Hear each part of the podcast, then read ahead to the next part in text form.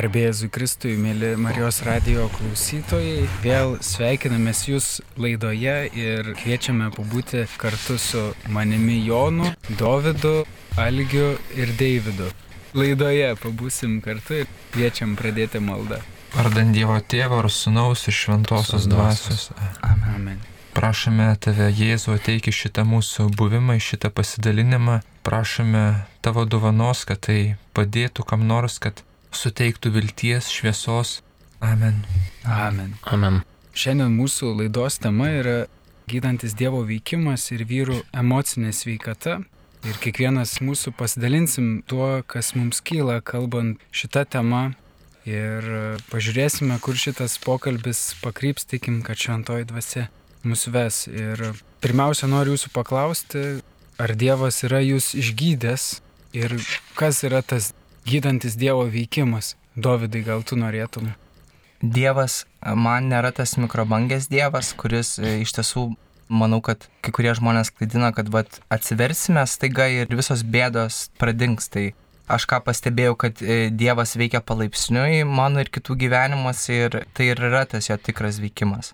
O aš pats e, buvau, na, tikrai ne vieną kartą ir išlaisvintas, ir išgydytas nuo įvairių lygų nuo asmenybės sutrikimo, nuo didelios labai depresijos. Ėjau per ilgus metus. Pirmą kartą, kai tikėjau, man buvo gal 15 metų, iš tiesų, kai atsiverčiau, bet tada buvo praėjau vėlyvąją paauglystę savo. Ir e, per tuos metus aš vėl kritau į nuodėmę, į tokią įliūną, į peklą. Ir galų gale mane Dievas vėl ištraukė, kai man buvo maždaug 25, tai aš praėjau visą tą pasaulietinį kelią, kuriam tik akių geismas, kūno geismas ir gyvenimo puikybė, na, iš kurios mane Dievas ištraukė, kaip Jonas apaštalas e, sako, kad nemylėkite pasaulio. Iš tiesų išmokau pamažu mylėti Dievą ir, ir žinot, kad jis visuomet išklauso ir atrasti jį vat, toj kasdienybei. Davidai, noriu tavęs paklausti, ar tu įsivaizduoji save, jeigu tau kas nors prieš du metus būtų pasakęs, kad tu būsi po dviejų metų Marijos radijui ir rašinėsi laidą apie tikėjimą, ar būtum patikėjęs, kad tai vyks? Tikrai nebūčiau man pirmas kartas ir keistas jausmas, šiek tiek tokia įtampa. Prieš porą metų aš dar aktyviai buvau vartojantis. Kaip tik prieš porą metų baigiau vartoti narkotikus. Tai šiandien yra stažas mano blaivybės, galiu toj pasakyti. Metai 11 mėnesių ir 27 dienos, kaip esu blaivus nuo narkotikų, tai tikrai veikia Dievas ir Dievas tik man ir padėjo iš jų išlipti, nes tikrai buvau paskendęs toje priklausomybėje, nemačiau šviesos ir net išsinomavau būtą su vaizdu į Soborą, kad matysiu bažnyčią. Tuometinis mano kolega, nekilnojamo turto agentas Česlovas, sako, kas pagyvena tokiuose būtuose, tiem pradeda sekti su tokiu kaip ir jo keliu. Net nežinau, bet aš sakau, okei, okay, aš to tikiuosi. Jie nežinojo gal tiek apie mano problemas, kai kurie kolegos, bet tiesiog taip nuoširdžiai palinkėjo ir aš pradėjau ten gyventi ir pradėjau melstis ir visą laiką prašiau Dievo, kad padėtų man sustoti vartoti, bet aš nesustodavau. Ir aš eidavau, verkdavau, klupėdavau, žiūrėdavau į soborą, melsdavausi ir sakydavau, Dieve, prašau, padėk man nebevartoti. Ir aš vis tiek nesąmoningai, nežinau kokiu būdu, vis tiek eidavau ir vartodavau. Tai buvau visiškai bejėgis. Tuo metu ir anoniminių alkoholikų programą buvau pradėjęs lankyti. Man anoniminiai padėjo išlipti iš alkoholizmo liūno, bet aš persimečiau ant narkotikų. Ir tada guliu lovai vieną dieną, atsimenu, ir man tai blogai. Ir nežinau pas ką paprašyti pagalbos gėdą, kad vartoju ir aš atsiminiau vienas anoniminis davė man telefono numerį kunigo kestučio ir tiesiog kaip viltis aš jam paskambinau ir kunigas Kestutis sako, kartok paskui mane, kartojau maldą savęs atidavimo Jėzui. Kaip aš jam save atiduodu. Tuo metu tai buvo vienintelė išeitis ir kai aš save atidaviau, aš supratau, ką aš padariau. Gau Dieve, to manęs jau nebeliko, aš jau save atidaviau. Tai kaip ir Dovydas prieš tai minėjo, viskas neįvyko taip momentiškai, viskas vyko palaipsniui. Vėliau Dievas atsiuntė man apendicitą, kraujo užkretimą ir tos dalykus, kur aš tiesiog dar apsivartojęs nesugebėjau suprasti ir tiesiog nu, man plyšo apendicitas, užteršė mano kraują. Ir mane išvežė į ligoninę, man spėjo padaryti operaciją, aš nenumiriau, bet aš meldžiausi, meldžiausi, meldžiausi, kuomet mane persiuntė į bendrą palatą su kitais vyrais, tenai vyras tik 20 minučių po mano atsiradimo tenai numirė prie pat manęs. Ir aš visą laiką melžiausi, aš įsivaizduoju, kiek ten žmonių mirė ir po to laiko aš nevartojau, kibau programą ir melžiausi ir šiai dienai gyvenu blaivų gyvenimą. Šlovė viešpačiui, nes tikrai galima gyventi kokybiškai, nevartojant. Ir taip, tai vyko palaipsniui, ne per vieną dieną. Su kiekvieną dieną reikėjo stengtis ir pastangų įdėti, bet šiai dienai tai tikrai ačiū viešpačiui, kad galiu čia su jumis būti gyvas. Ačiū tau ir Algi, gal tu turi kažką irgi pasidalinti šią temą, ar esi patyręs Dievo veikimą, išgydymą kažkokiu būdu? Aš taip pat turiu Dievo veikimą, kaip Dovydas sakė, kad labai palaipsniui, kad Dievas veda ir gydo, bet e, mano gyvenime tas yra labai išlengvo palaipsniui. Mano gyvenime tas gyvesnis tikėjimas atsirado 2007 metais Ir ką aš matau, kad Dievas kaip vedė per visą tą laiką, tai kad, nu ir kiti žmonės pasakė, kad tavyje sumažėjo nerimo. Tai galima būtų pasakyti, nu, kad nedidelis dalykas, bet man net tas mažytis laiptelis yra daug, nes kai mažiau nerimo, daugiau pasitikėjimo, tai daugiau laisvės gyvenime. Man Dievo gydimas, ne iš tikro gyvenime neturiu patirties, kur labai staigiai kažkas pasikeistų, bet iš tikrųjų laukiu to, tikrai iššūkių gyvenime netrūksta ir nesakyčiau, kad nesusitikęs gyvoje Dievo, tai ta patirtis man jie yra, bet jaučiu tą tokį švelnų nuolatinį Dievo buvimą, kadangi tas tikėjimas yra mano, na, nuo vaikystės įskiepytas šeimoje ir jis keliauja ir man yra svarbu ištikimybė. Ir jaučiu, kad per tą ištikimybę Dievas mane augina kaip medį, kuris irgi kartais būna vėjo aplaužomas, aplamdomas, bet tikiu, kad vis tiek einu pirmin ir yra nuolatinis Dievo apkabinimas kaip gydytojo.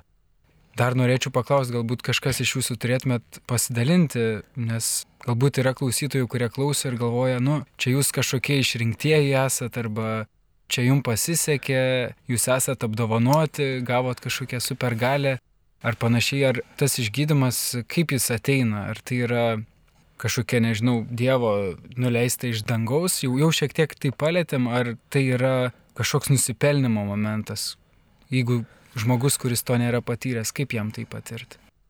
Na, manau, žmogaus, kuris nori patirti tą malonę, labai svarbu jo širdies stovis.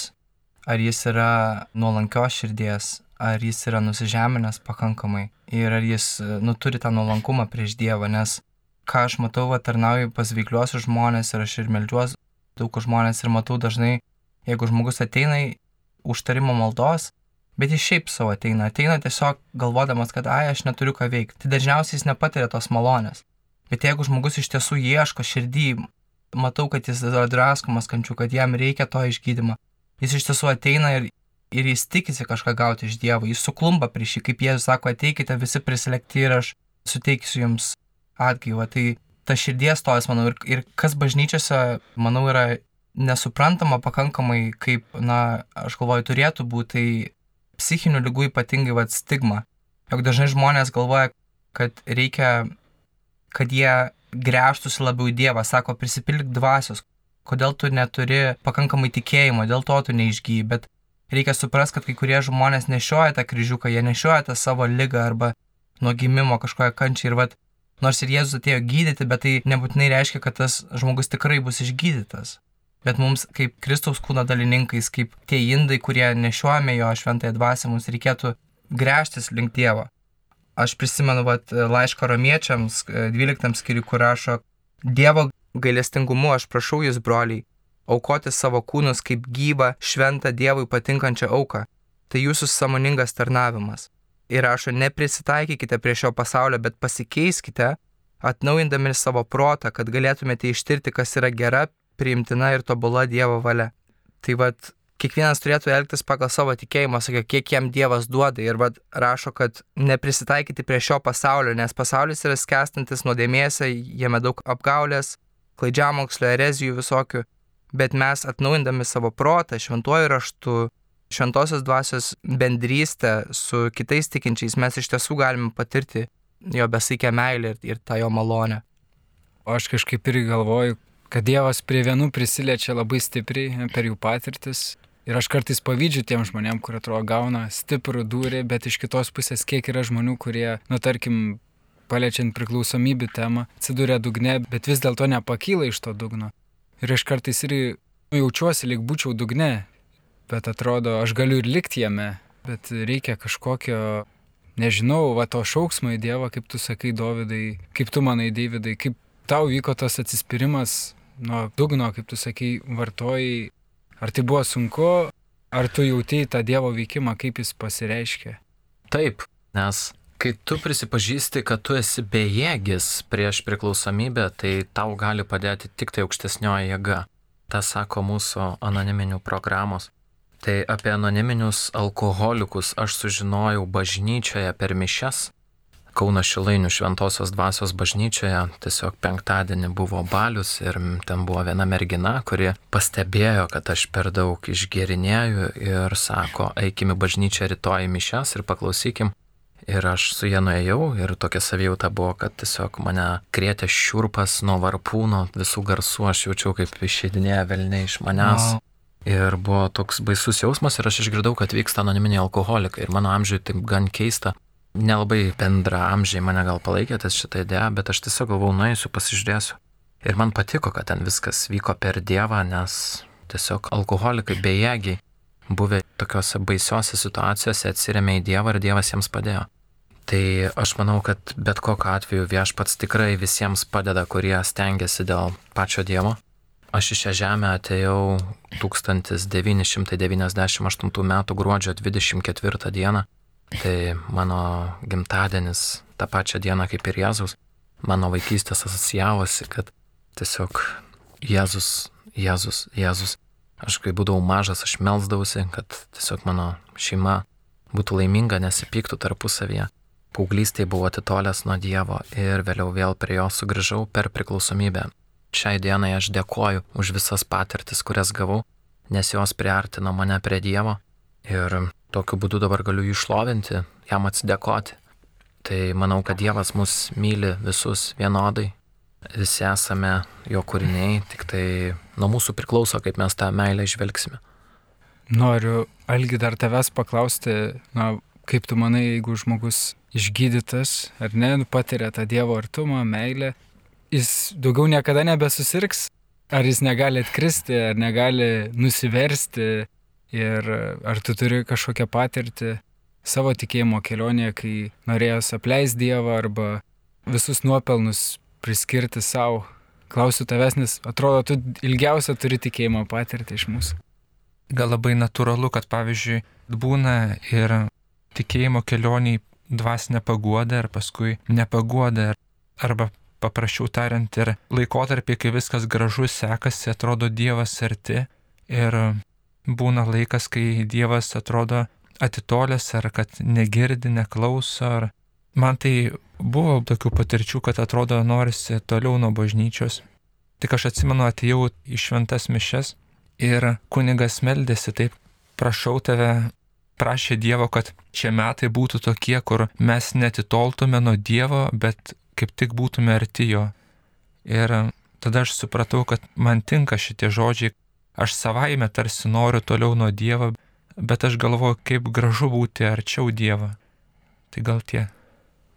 Tik manau, na, mums kaip krikščionėms reikia atsiminti, kad, na, velnas irgi nemiega ir jo kaip karalystė irgi veikia, vat, girdėjau liudymą žmogaus, kuris buvo satanistas ir kuris melzdavosi su pačiu velniu, šnekėdavo nuo 7 vakaro iki 5 ryto ir sako, jie daro tas ceremonijas, na, beveik visam pasauliu. Ką jie stengiasi, tai užvaldyti pirmą ir antrą dangų ir kad judint kunigaikštysės ir tutovės taip, kad galėtų tiesiog atimti žmonių tikėjimą. Tai tas velnio pats principas yra numalšinti mūsų meilę Jėzui, mūsų meilę Kristui, mūsų meilę viešpačiui ir reikia nepasiduoti, nes dažnai tie žmonės bandys mus demotivuoti. Nors ir mes apsaugoti esame, o šventąją dvasę, dažnai jeigu mes iš tiesų gyvenam kaip krikščionys, šlovinam jį, esam pamaldus, tai mes apsaugoti, bet reikia atsiminti, kad dar daug yra krikščionių naujatikių arba kurie tik grežiasi į Dievą ir juos labai reikia palaikyti jų kovoje. Dėl to, kaip velnės veikia, tai tais ciklais jis bando mus įsukti į, į kažkokį pasikartojantį elgesį, vad kaip narkomanija. Mus vėl aplanko ta mintis, mus vėl aplanko ta mintis.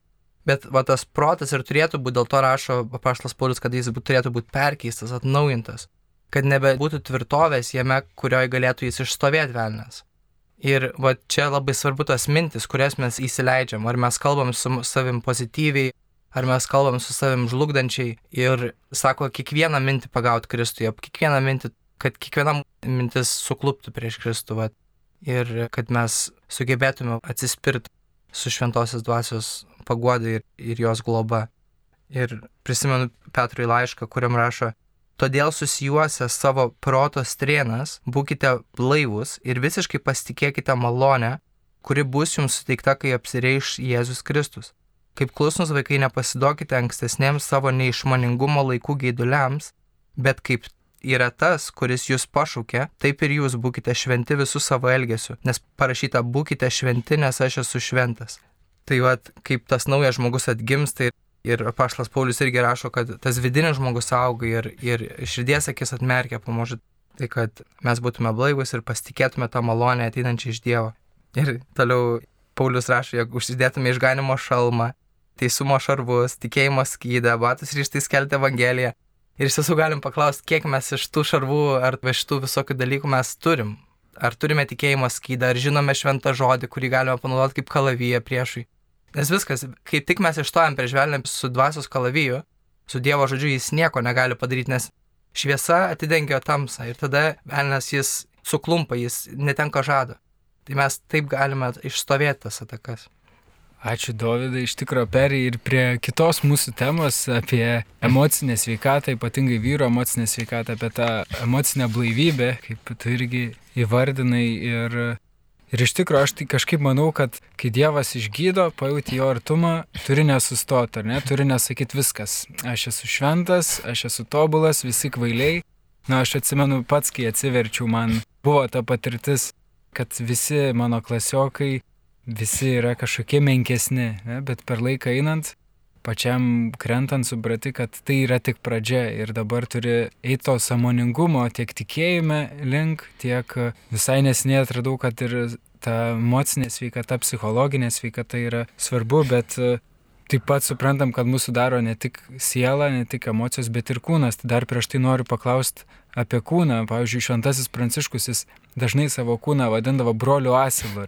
Skamba numenkinamai, lik siela būtų didesnė, bet kaip jūs e, darot, kaip jūs rūpinate savo kūną, ar iš vis rūpinatės, ar bandot valgyti sveikai, koks turėtų būti sveikas santykis su kūnu. Davidai, gal tu norėtum pasidalinti? Aš va kaip tik irgi neseniai perskaičiau apaštalo Pauliaus laiškę, neatsimenu, nu, gal efeziečiams, tai jisai rašė, broliai, maldos yra svarbesnės už mankštinamą kūną, bet jis nesakė, kad mankštinamas kūnas nėra svarbus. Tai mano nuomonė, reikia prisižiūrėti vyrams ir aš pats lankausi reguliariai sporto klube, turiu labai gerą trenerį, laikausi mytybos plano, šiandien kaip tik trečiadienis su Jonu kartu pasniekaujam, tai ir savijauta geresnė ir norisi gerų darbų daryti, nes pastebėjau, kaip turiu cheat day vieną savaitę, tai aš kaip prisivalgau per ją, per savo pilną pilvą negaliu kartais girdėti Dievo žodžio. Tai aš manau labai svarbu visą laiką ir turėti savo tą pasirašymą fizinį ir dvasinį. Tai Dievas vis tiek sukūrė mūsų kūną ir nu, padarė kaip šventovę, kaip vietą būti mūsų sielai. Tai manau, kad yra labai svarbu. Kaip kitiem gal turit minčių? Aš manau, kad tikrai labai svarbu ir negalima atskirti taip labai ryškiai, kur dvasiniai dalykai, o čia kur vien kūno dalykai. Pavyzdžiui, šiandien tai aš buvau pavargęs po darbo, tai nuėjau pamiegoti. Ir jeigu nebūčiau pamiegojęs, tai nebūčiau galėjęs melstis. Nes man atrodo, jeigu neklystų, benediktinai taip daro, kad net svečiams jie turi tokią tradiciją, kur pirmiausia duoda, kad piligrimai palsėtų, pavalgytų, atsigautų, o paskui eina į maldą, paskui eina gal į dvasinį pokalbį, nes kitaip, jeigu kūnas pavargęs, tai tada tiesiog negalės susikaupti maldai, nebus simbolus Dievui. Man primenu to žodžius Jėzus, kur sako, kūnas silpnas, bet dvasia valinga jis, ne? Kai jo mokiniai visi užmygo, kai jis sakė, eikit melskite su manim. Tai iš tiesų, aišku, iki Kristaus mums kiekvienam kaip horizontą kokį bandys pasiekti, bet iš tiesų tam jis ir atėjo į žemę, kad parodytų mums tokį pavyzdį, iki kurio galėtume stieptis, bandyti pasiekti, nes, vat, aš nežinau, kiek iš jūsų, vat, pažiūrėjau, darote naktinės maldas arba vakarinės maldas, bet kiek man teko patirti gyvenime, tai jos būna labai dažnai ypatingai tokios, o jeigu kur 2-3 matavę, ten ir aš esu tarp jūsų, tai dažnai, vat, manau, reikia mums išlaikyti tą, na, emocinę sveikatą, aišku, ir valgyti sveikai, ir sportuoti, kiek galim, bet taip pat tą karštį, tą nuoširdumą viešpačiui ir norą pastoviai melstis, pastoviai organizuoti pamaldų vakarus.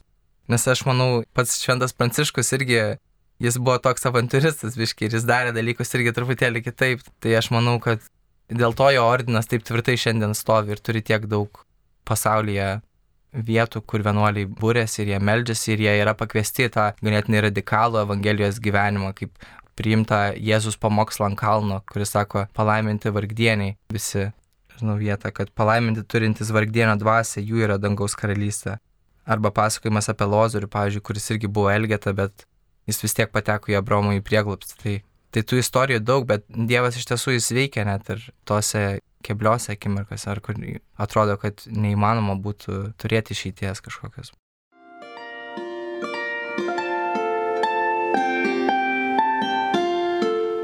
Jūs girdite Marijos radiją.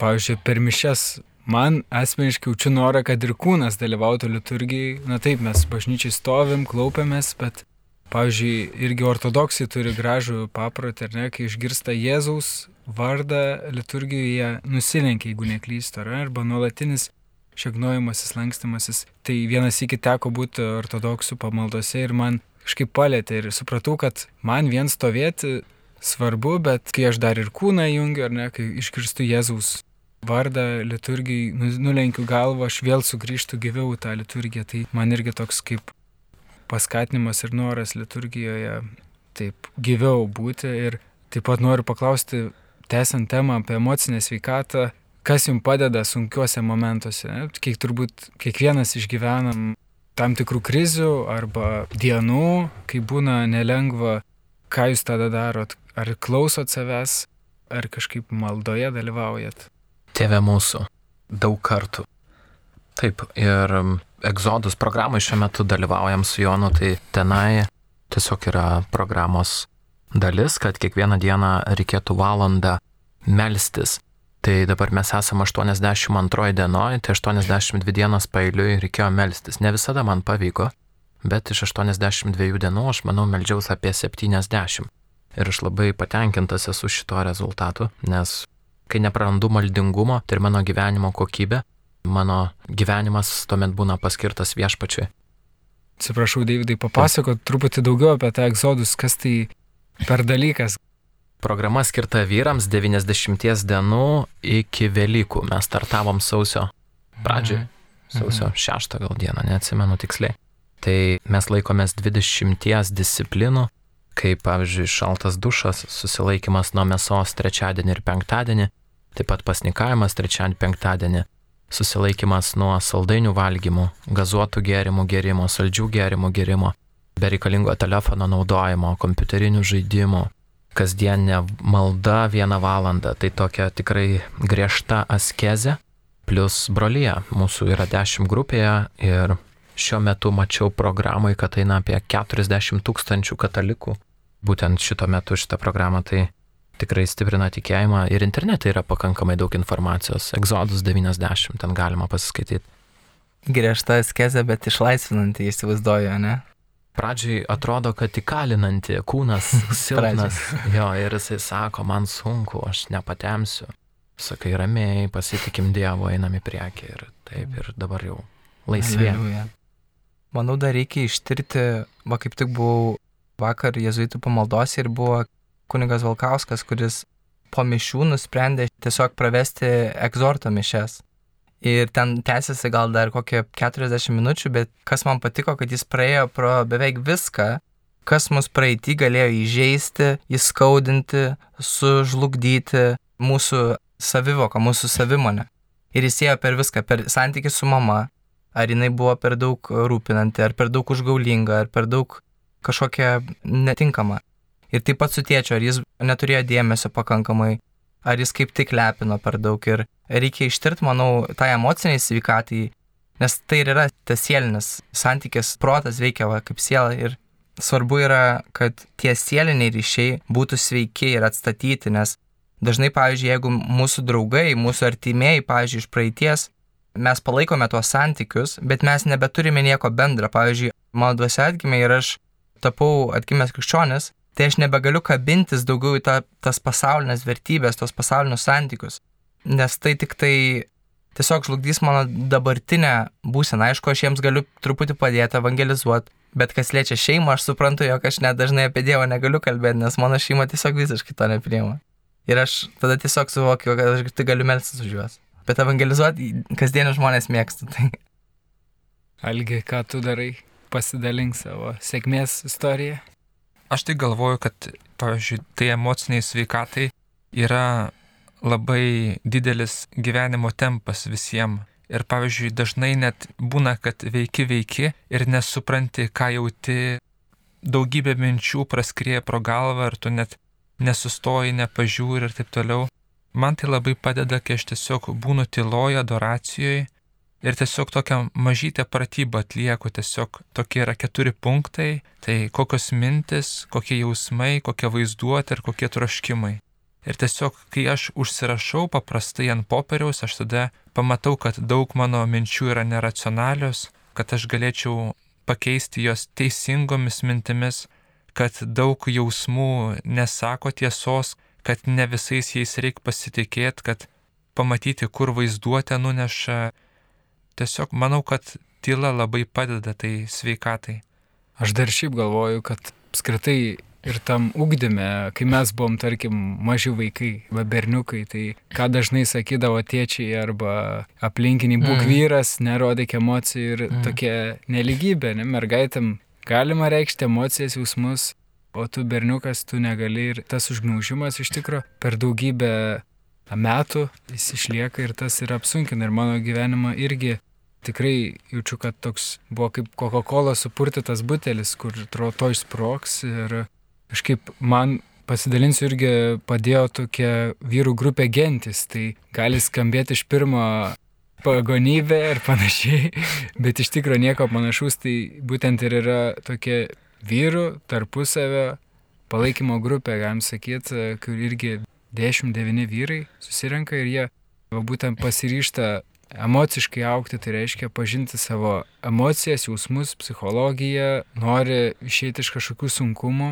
Ir nėra nieko bendra nei su religija, nei su tikėjimu, bet vad ką aš atrandu, tai irgi tą vienas kito prieimimą, kad man gali būti sunku girdėti, ką kitas sako, bet e, aš galiu mintis ar ne melstis už tą žmogų, galiu tiesiog klausyti jo ir pats pasidalinti, net nenorėdamas galbūt evangelizuoti, bet sukuria tokį galimybę išeiti iš savo burbulo ir tuo pačiu aukti. Ir mes toj grupiai turim tokį pirmą dalį dažniausiai kažkokią teorinę arba kaip tik žaidybinę, kur tiesiog ugdo mūsų va tą irgi tokią brolystę. Antra dalis yra vidinis darbas, vadinasi, vieną išsirenkam iš grupės, kuris pasidalins kažkokiu dalyku, kuris įdirgina, ne? tai tam reikia irgi savęs stebėjimo, pajutimo ir iškelia tą temą. Ir tada kitiem kurie esam grupėje, kažkas surezonuoja.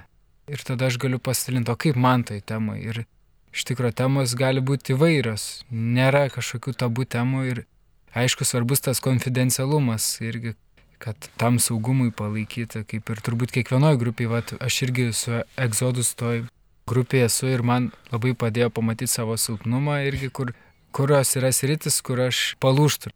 Saldumynai, tarkim, nu aš galvau, norėčiau, saldumynų nevalgyčiau, bet užteko kelių dienų, kai tu pajunti, kad ne, vis dėlto tu esi per silpnas ir dabar po truputį mhm. limpu iš tos saldumynų troškimų.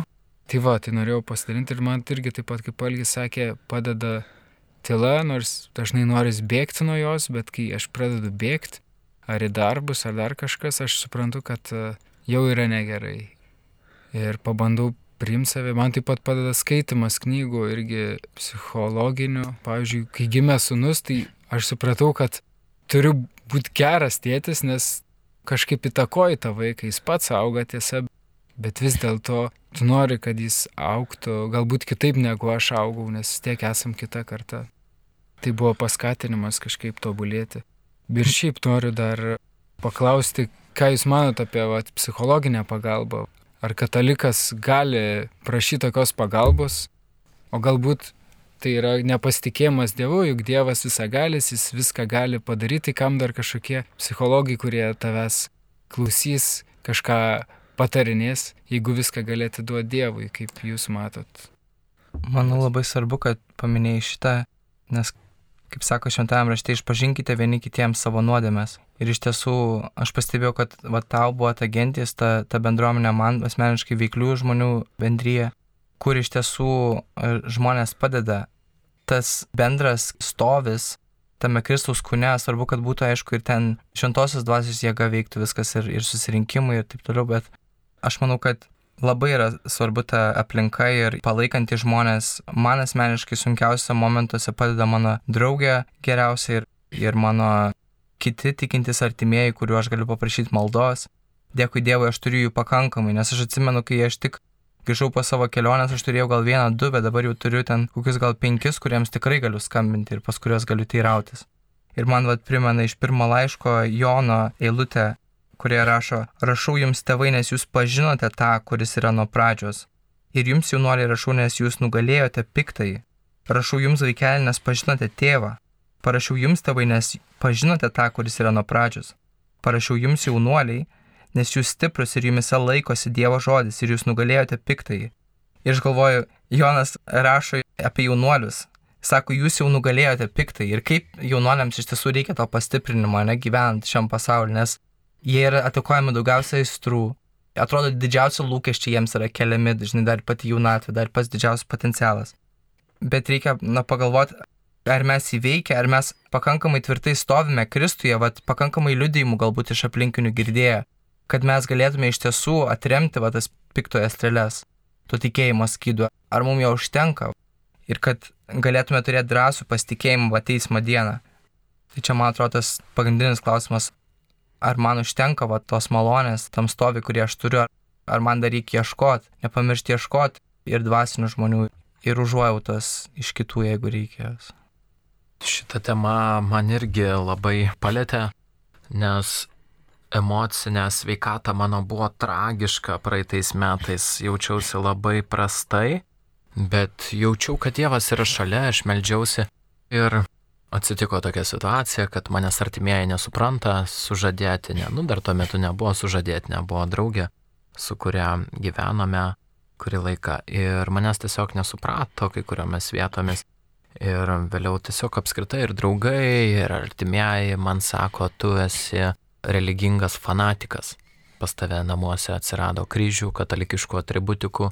Ir aš tiesiog pradėjau galvoti, Dieve, Dieve, gal man tikrai blogai, gal man čia tikrai apsireiškia piktasis ir, nu, aš tiesiog einu va, per daug į viską. Ir aš paklausęs visų, kurie atrodė nori man gero, jie ir nori man gero patarimų ir aš užsirašiau pas psichiatrą, ėjau pas vieną, pas vieną psichiatrę ir sako, ką tu šiuo metu jauti. Ir aš žiūriu ją, jos akis ir sakau, aš jūsų akise matau ikonas. Ir sako, aišku, išrašė man vaistų. Geriau vaistus nuo šizofrenijos. Aš suprantu, dėl ko šizofrenija sergantis žmonės nenori gerti tų vaistų, nes poveikis yra labai labai slopinantis. Labai ir tas slopinimas yra labai baisus toksai. Tai vėliau geriau vaistus nuo bipolinio sutrikimo. Ir tiesiog gydytojai galvoja, kas man blogai ir aš tapau normalus žmogus, normalių žmonių tarpe, kalbėjau žemiškom temom, ėmė su manim susikalbėti, buvau paprastas, pasirūpinantis paskui save ir savo artimaisiais ir savo draugę, bet labiau abejingas gal kitiems, tiems, kuriems iš tikro labai reikia pagalbos. Mm.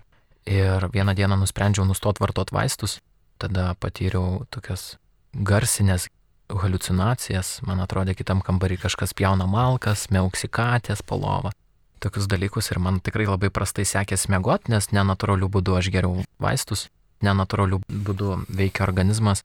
Ir vėliau aš sakau treneriui savo, ką man daryti, Tomai. Jisai mane ilgai pažįsta ir matė mane visokį ir sako, Davidai, nu, neišsimiegosi vieną naktį, antrą, trečią, ketvirtą, nu jau tikrai miegosi. Sako, eik anksčiau miegoti, pabūk ramiai. Ir aš savo pastangom su Dievo pagalba meldžiausi, kad man suteiktų ramų miegą ir polsi. Ir šiai dienai aš gyvenu be vaistų ir aš esu šiai dienai toks. Nuo manęs nusisuko mano sužadėtinė. Aišku, aš padariau per savo sergantį protą pasibjaurėtinų darbų. Nuo manęs nusisuko kai kurie žmonės tiesiog, nes, na, nu, aš atsigrėžiau į religiją, į šios dalykus vien tik tam, kad aš pats emociškai jausčiausi gerai. Normalu, kad žmonės atrodo nusisuka kartais nuo manęs, bet, nu, aš atsigręžęs esu į Dievą ir jo pasitikiu. Nematau čia nieko blogo. Tai šiai dienai tiesiog negeriu vaistų ir manau, kad reikėtų labai atsakingai ir labai atsargiai žiūrėti ir gilintis tai, kas iš tikrųjų per problemas yra ir neskubėti vartoti vaistus. Aš irgi galiu paantrinti, nes Aš irgi turėjau laikotarpį, kada gulijau ir ligoninėse ir man irgi buvo išrašomi vaistai. Ir aš net du kartus bandžiau žudytis. Ir jo buvo iš tiesų ėjau per tokį gilų, gilų depresijos laikotarpį, bet Dievas veikia ir aš vis tiek kažkaip vat, nemiriu.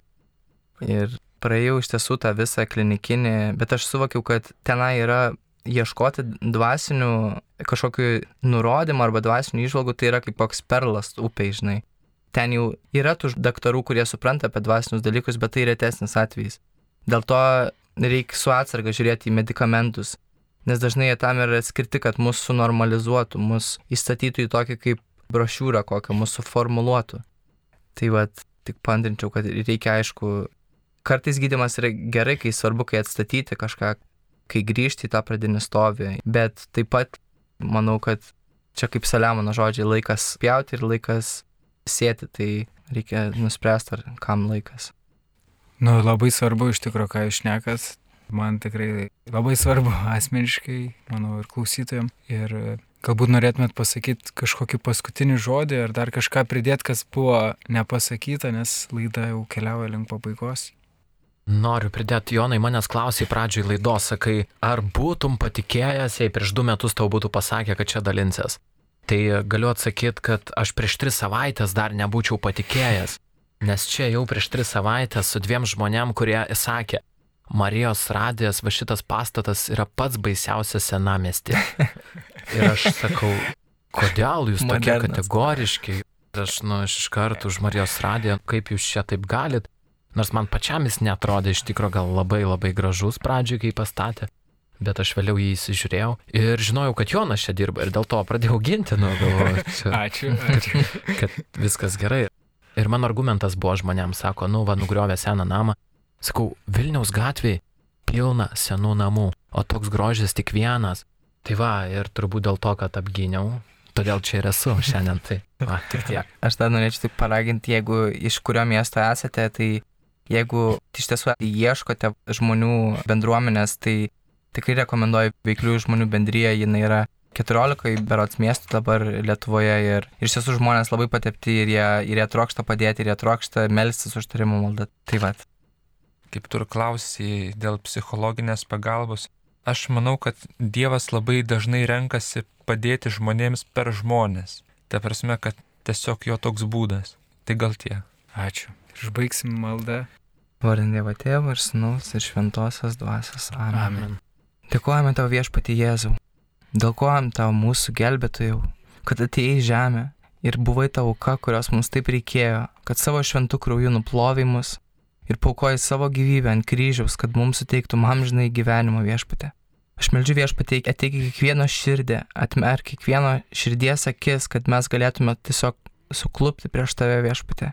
Tiesiog kiekvieno klausytojo akis tėvė atverk ir statyk juos vidinėme žmoguje, Viešpatė meldžiu tavo globos, meldžiu, kad Arhangelo Mykolo angelai viešpatė nužengtų ir patarnautų kiekvienam Lietuvos gyventojui. Tiesiog nuženkit dabar, išlaisvink visus žmonės, kurie kenčia nuo depresijos, nuo bet kokios apgaulės, nuo kančių, nuo suspaudimų bet kokiu viešpatė.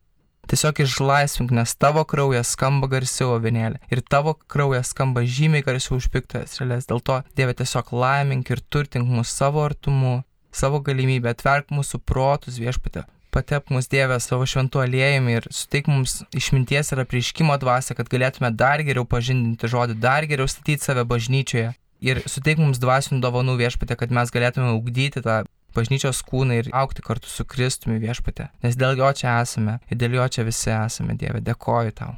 Amen. Amen. Su jumis laidoje buvo Jonas, Davidas, Dovydas ir Elgis. Linkim gražios dienos vakarą ar bet kada, kada klausot. Likim draugė. Sudė.